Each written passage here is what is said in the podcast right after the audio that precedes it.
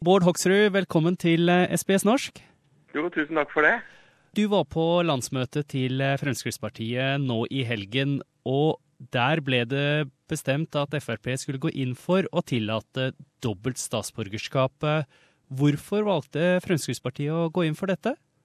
Dette er jo en uh, vanskelig debatt, og det er gode argumenter for begge syn. Men vi har fått veldig mange tilbakemeldinger fra veldig mange nordmenn som kanskje har, uh, spesielt da er, bor i USA, som har amerikansk statsborgerskap, og da har trøbbel med å få det norske statsborgerskapet. Så det var nok noe av grunnen til det. Og vi vet at det er en del nordmenn som bor i utlandet og har opparbeidet seg statsborgerskap et annet sted, og som da har barn som, som, da kanskje ikke får norsk statsborgerskap fordi de har det statsborgerskapet der man bor. Så eh, det var nok mye av det som gjorde det at landsmøtet da datt ned på at vi, eh, vi nå gikk for dobbelt statsborgerskap. Og de fleste andre land i Europa har den ordningen.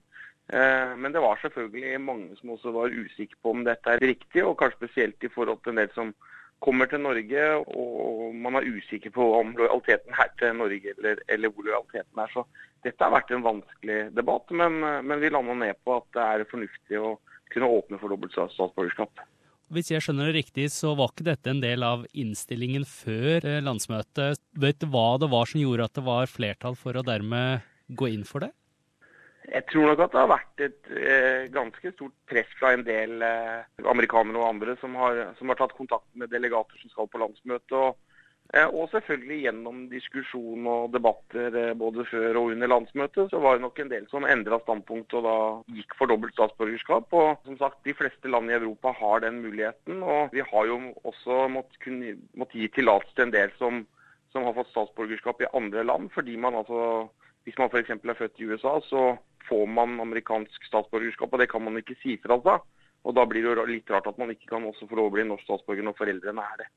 Sant nok, og dette er jo også veldig aktuelt for eh, mange, spesielt de som blir født eh, i Australia eller i Norge til eh, norske og australske foreldre, som mange av mine lyttere er, er interessert i.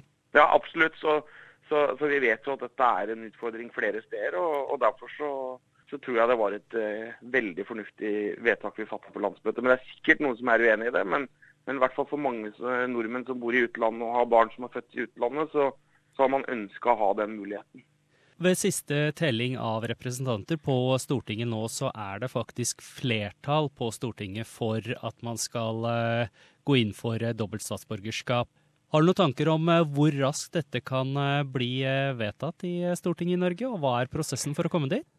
Nei, Nå er det vel sannsynligvis sånn at regjeringa etter hvert kommer til å se på eh, konsekvenser ved å innføre eh, denne muligheten. Og så vil det vel eh, sannsynligvis ikke kunne komme noe vedtak i Stortinget før etter valget og til høsten. Fordi det tar litt tid å kunne gjennomføre sånne ting. Så jeg tror jeg skal være litt forsiktig med å, med å love det. Men jeg vil tippe at det er mange som, som venter på at et sånt vedtak eventuelt da kommer i Stortinget.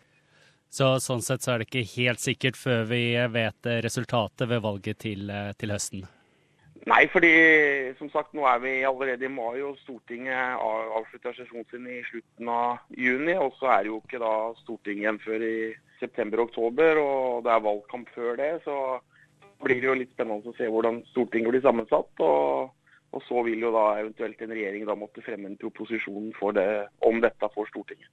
Og på landsmøtet, var det en knepet seier for saken, eller var det et sterkt flertall for? Ja, det var et godt flertall for, men det var nok eh, også et veldig stort mindretall her. Så det var ikke sånn at dette var eh, Og det er klart, man, man, snudde fra egentlig å mene det andre til å mene dette. Så, så man, jeg tror de fleste lytterne skjønner at her var det, var det mye diskusjoner eh, før og, og, under møtet. Og det var et stort mindretall som, som er uenig i dette. og det, det skal man også, også, ha med seg. Men, eh, men det ble et flertall for å, å, gjøre det. Og det er jo nettopp med bakgrunn i, i, i, nordmenn som bor i Australia eller har foreldre som både er australske og, og norske og ønsker å beholde eh, og ha muligheten til å ha begge statsborgerskap. Så jeg tror det er mange som bor i utlandet og som er norske, som er, er veldig godt fornøyd med det vedtaket som ble fattet på landsmøtet. Bård Hoksrud, takk for at du tok deg tid til å prate med oss her på SPS Norsk og oppdatere oss litt om hva som skjedde på Frp sitt landsmøte nå i helgen. Bare hyggelig.